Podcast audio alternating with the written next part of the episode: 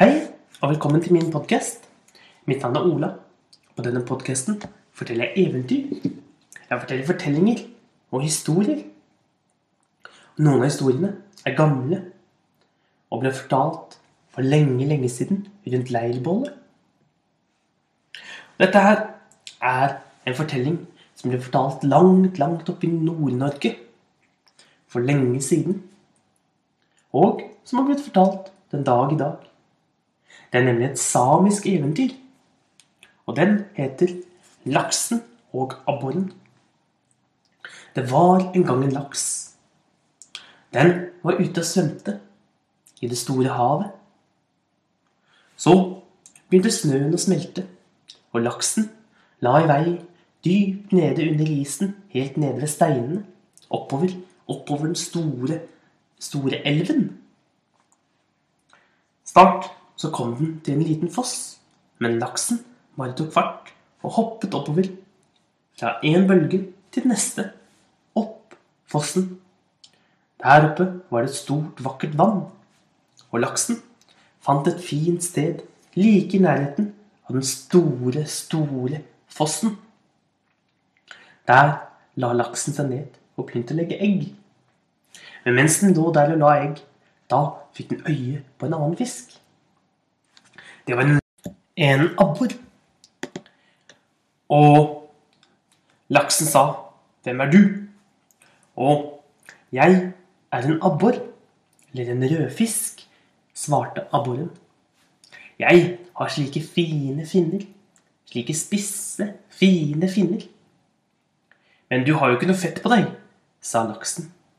'Å, du vet, jeg har mer fett i hodet enn det fjellsamene har har dyr. Men eh, hva vil du her oppe? spurte laksen. Å, jeg vil svømme om kapp med deg, sa abboren. Og laksen begynte å le og le og le. Du, du vet ikke hvem jeg er. Jeg er den sterkeste og raskeste og sprekeste av alle fiskene i hele havet. Jeg kan svømme og hoppe oppover fossen så lett som bare det.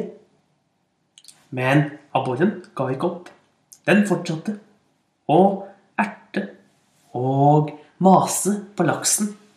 Helt til laksen sa ja vel, ja vel, så skal vi se hvem av oss som kan svømme raskest oppover fossen.